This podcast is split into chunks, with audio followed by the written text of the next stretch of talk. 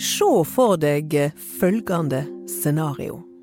Du går inn i en båt i Elfenbenskysten, og så plutselig er du i Norge på en litt sånn dårlig sommerdag.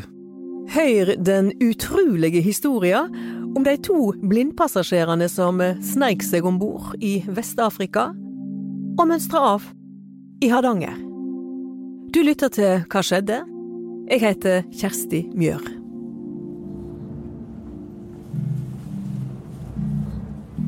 17. juli i år legger Sant Vasilios fra kai i Abidjan i Elfenbenskysten.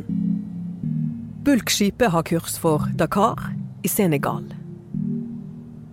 Under oppholdet i Abidjan har mellom 200 og 300 mann arbeid på dekk, og båten har hatt ekstra vakthold. Nei, de har jo vakt fordi de er klar over den faren med blindpassasjerer i dette området. Det er en ganske vanlig utfordring i eh, havner i Vest-Afrika.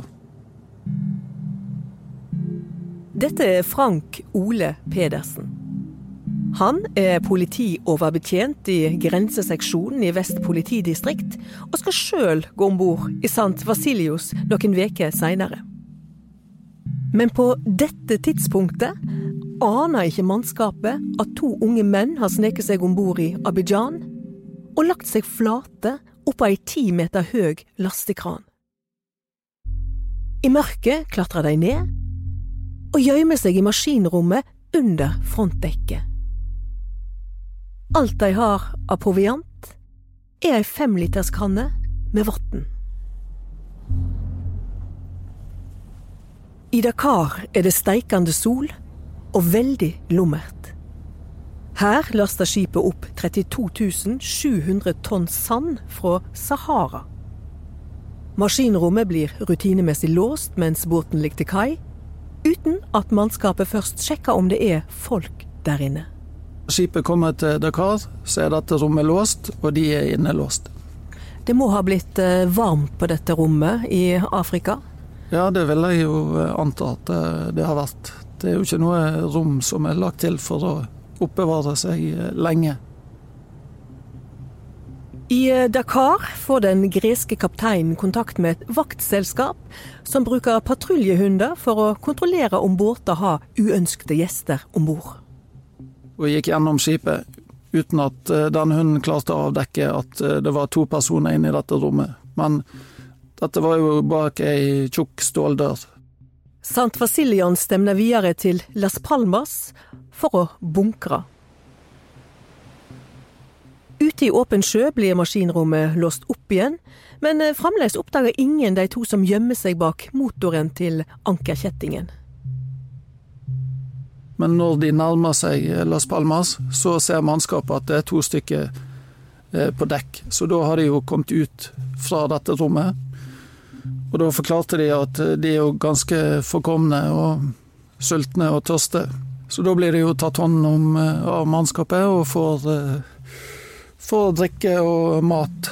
Og blir plassert på en lugar der de blir innelåst, da. For eh, det er jo en sikkerhetsrisiko for, for skipet å ha blindpassasjerer om bord, så de må jo sikre at de er på, på ett sted. Så de fikk mat og, og klær og god behandling? Ja da, vårt inntrykk er at de har fått veldig god behandling på skipet. De eh, to mennene har overlevd i ti dager i maskinrommet, på bare vann.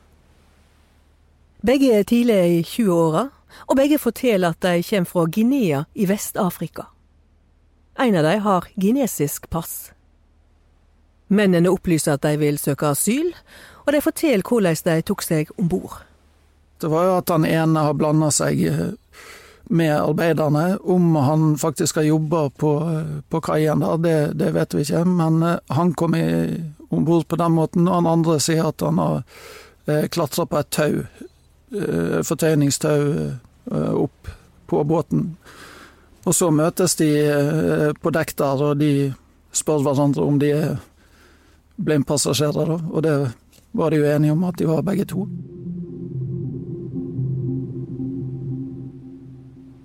Nå er de oppdaga. Da skipet legger til kai på Las Palmas, tar kapteinen kontakt med spansk immigrasjonspoliti, som nekter blindpassasjerene å gå i land på spansk jord. Så Sant Vasilios seiler videre med to innelåste passasjerer. Kort tid etter blir norsk politi kontakta av forsikringsagenten til skipet, som opplyser at to blindpassasjerer er om bord, og at neste destinasjon er Tyssedal. Det er der sanden som inneholder mineralet ilmenitt skal leveres til smelteverket i fjordbygda. Vest politidistrikt tar rutinemessig kontakt med UDI, Utlendingsdirektoratet og med Kripos, som igjen tar kontakt med mellom andre Sjøfartsdirektoratet. UDI avgjør at de to afrikanerne skal få gå i land på norsk jord. Hva som er grunnen vet jeg ikke altfor mye om, men eh, det kan jeg heller ikke gå så mye inn på. Men de har i hvert fall opplyst nok til at de får fremme en asylsak i Norge. Kring 20 døgn etter at Sant Vasilios la fra kai i Abidjan, stemner skipet inn Sørfjorden i Hardanger. Det er tolv grader og regn da båten legger til ved smelteverkskaia i Tystedal den 7. august. Like etter går politioverbetjent Frank Ole Pedersen og to kollegaer om bord. Kontakt av kapteinen, og får en brief av han da. Når vi er ferdig med den brifen, så går vi jo inn i lugaren der disse to er, og snakker med de. Og ser til at de har klær og Vi har jo på forhånd snakka med skipet og bedt de om at de får dusje og gjøre seg klar til transporten. Jeg forstår jo godt at dette er jo en spesiell situasjon. Du går på i Afrika, så skal du gå av innerst i en fjord i, i Norge. Så de var nok litt sånn, lurer litt på hva som skjer videre. Men vi gjorde jo det vi kunne for å informere de. En av de snakket jo greit engelsk. Og forklarer de at de vil bli tatt hånd om, at dette ikke er noe farlig. Vi vet jo aldri hva erfaringer de har med politiet.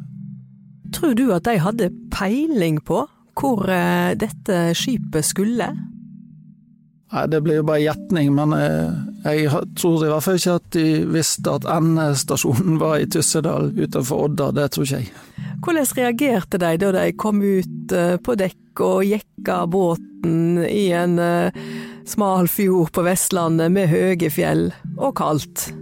Ja, nå hadde jo vi med en bag med klær som vi hadde samla sammen, bare for å være sikre på at de hadde rett utrustning når de skulle gå i land. Politiet og blindpassasjerene kjører mot Haukeli.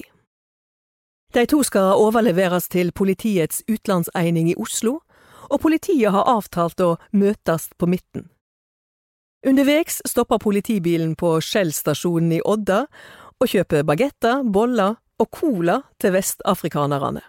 Så på veien opp på fjellet så er det jo ja, det er mange turister som drar den veien for å oppleve både fjord og fjell. De fikk jo oppleve alt på, på kort tid.